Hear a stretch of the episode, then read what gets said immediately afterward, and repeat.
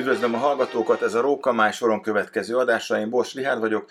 Mai vendégem pedig Albert Krisztián preparátor, annak is egy különleges ágával foglalkozik, csontpreparálással. Üdvözöllek, köszönöm, hogy elfogadtad a meghívásunkat. Köszönöm szépen még egyszer, hogy itt lehetek. Ö, nagyon fiatal vagy, szemtelenül fiatal, és ö, hogy lesz valakiből ilyen fiatalon preparátor? Igen. Miért, miért nem mondjuk valami más, ami mondjuk a vadászatról? Mert azért ehhez kell egy, egy, egyfajta rutin, szak, szakértelem, amit nem kérlek, hogy nincs meg benned, Uh-huh. de mm, miért? Igen, jó a kérdés. Először is minden esetre annyit szögeznék le, hogy még mindig fiatalabbnak nézek ki, mint amennyi igazán vagyok. De tény, hogy egész hamar kezdtem ezt az egész szakmát. Kezdetként igazából azt tudnám megemlíteni, hogy ami így a dolog úgymond ellen szól, hogy tehát szüleimnek nem volt semmilyen természethez kötődő hivatása, hogy ez esetleg családi vonalról jönne. Egyszerűen csak saját kisgyerekkori érdeklődésemből kezdtem el ráfigyelni a, a természetre, a természet élőlényeire, a szépségére. Emlékszem szüleim, illetve azok beszámolói alapján, akik kisgyerekként vigyáztak rá, már a hangyákat néztem, ahogy a járólapon mennek, illetve mindenféle kavicsot, ágat összeszedtem.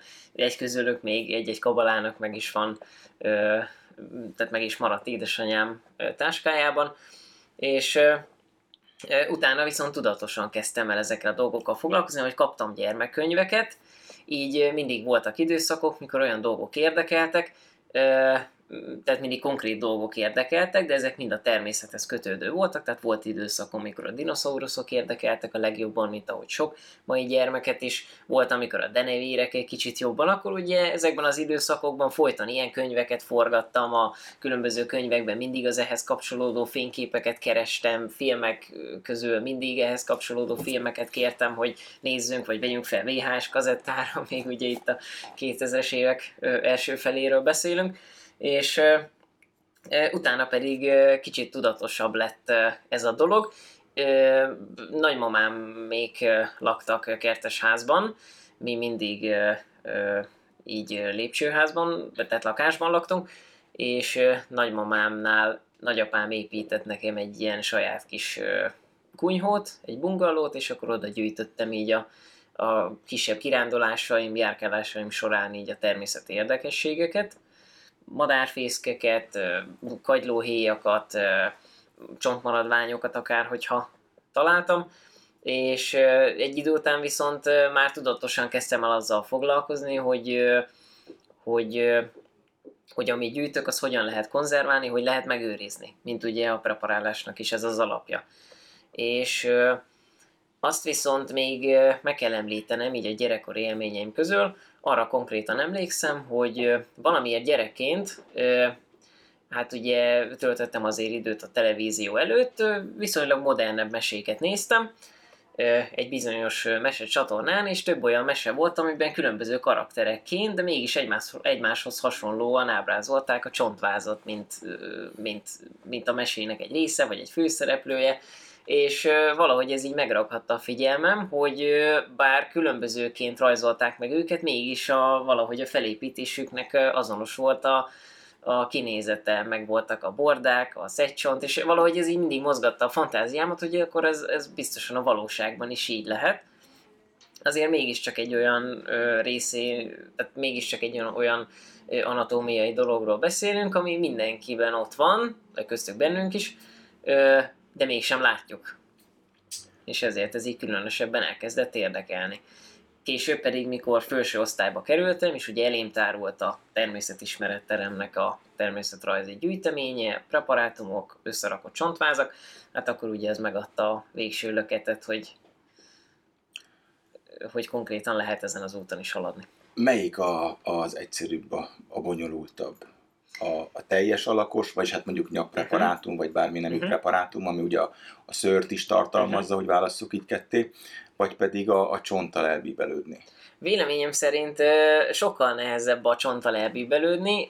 Itt igazából ugye nem tudom a, a szakmától függetlenül megítélni ezt a dolgot, hiszen már benne vagyok a csontváz preparálásban, és nekem ez a könnyebb, de a visszajelzések alapján, illetve ahogy akármikor kollégákkal, más érdeklődőkkel beszélgetek, valószínűleg tényleg sokkal nehezebb a csontváz preparálás. Érdekes, hogy gyerekkoromban, amikor magamtól tapasztalatok útján megtanultam dolgokat a preparálással kapcsolatban, emberek tanácsai alapján, cikkekben, könyvekben olvasott félinformációk alapján, interneten talált dolgok segítségével valahogy kevésbé voltam sikeres a úgymond a klasszikus értelemben vett preparálás munkafolyamataiban, mint a bőrnek a konzerválása, ugye, hogy az ugye szőrrel együtt megmaradjon, vagy tollal együtt megmaradjon, vagy akár ha csak egy nyúzásról beszélünk, nem volt, aki ezt megmutassa nekem, ugye nem volt a családban ilyen, e, ilyen kötődésű ember, és valahogy a csontvázzal kapcsolatban értem el nagyobb sikereket.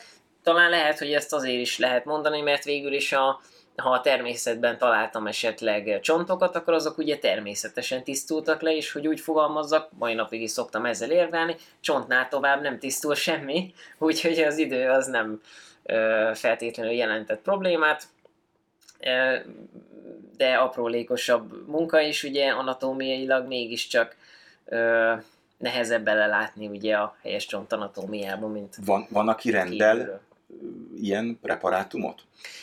Van, aki rendel, tehát gyűjtők is vannak, de megmondom őszintén, ez szerintem leginkább ilyen múzeumi kiállítási témához kötődhet, illetve tudományos és oktatási szempontból is meg lehetne közelíteni ezt jól ismerjük ugye gyerekkorunkból, hogy azért az ilyen biológia termeknek az alapfelszereltségébe szinte majdnem mindig ott van a pontycsontváz, a macskacsont,váz, a tyúkcsontváz, ami ugye tananyag részeként azért a különböző állatcsoportoknak az anatómiáját tanuljuk ezekről.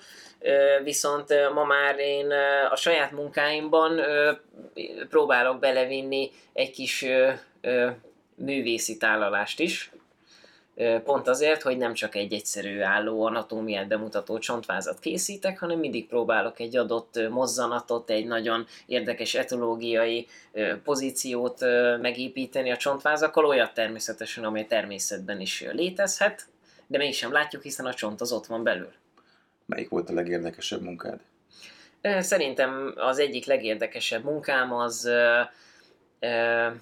hát több is volt, de madarak csontvázát azt jelentősen többet preparálok, mint emlős csontvázat, vagy esetleg más gerinces állatcsoportoknak a csontvázait, és volt olyan, amit igazából nemzeti park megrendelésére készítettem, fakókesejű csontvázat preparálhattam.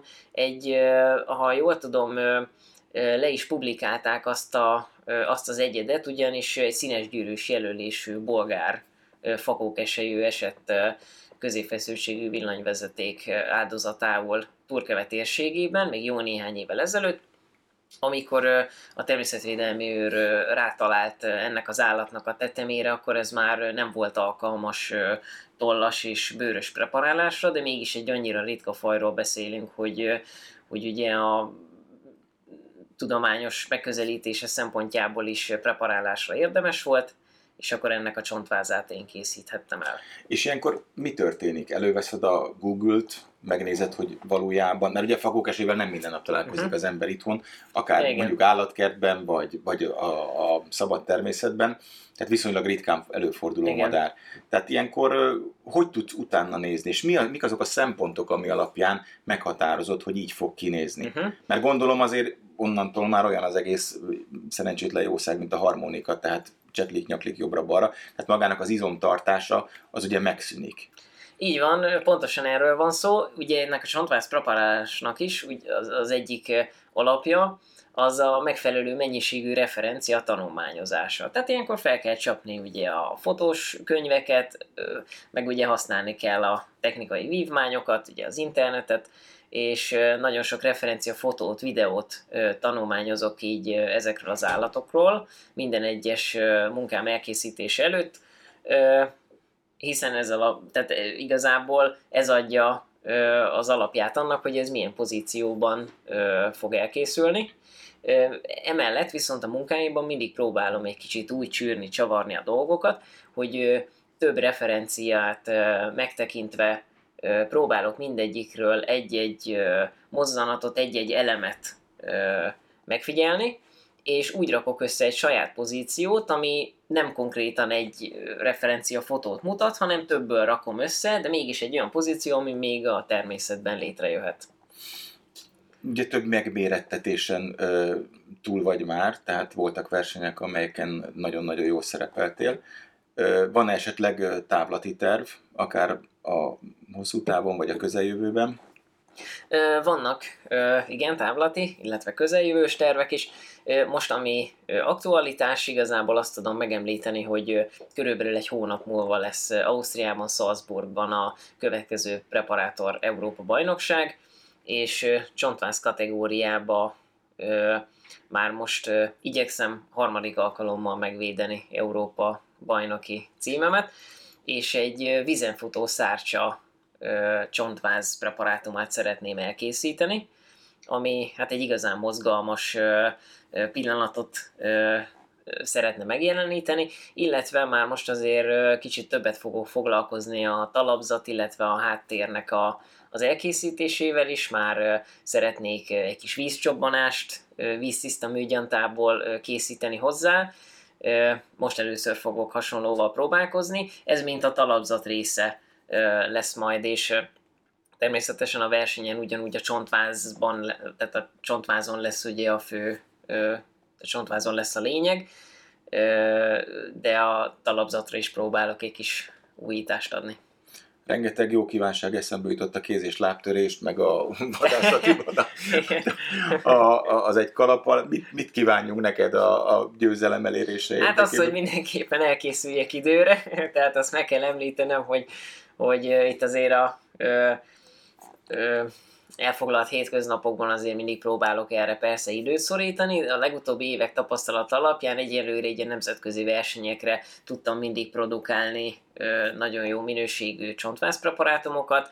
Preparálással folyamatosan foglalkozom, tehát Uh, igazából koponyákat, csontokat tisztogatok folyamatosan, de azért egy ilyen versenymunka minőségű preparátumnak a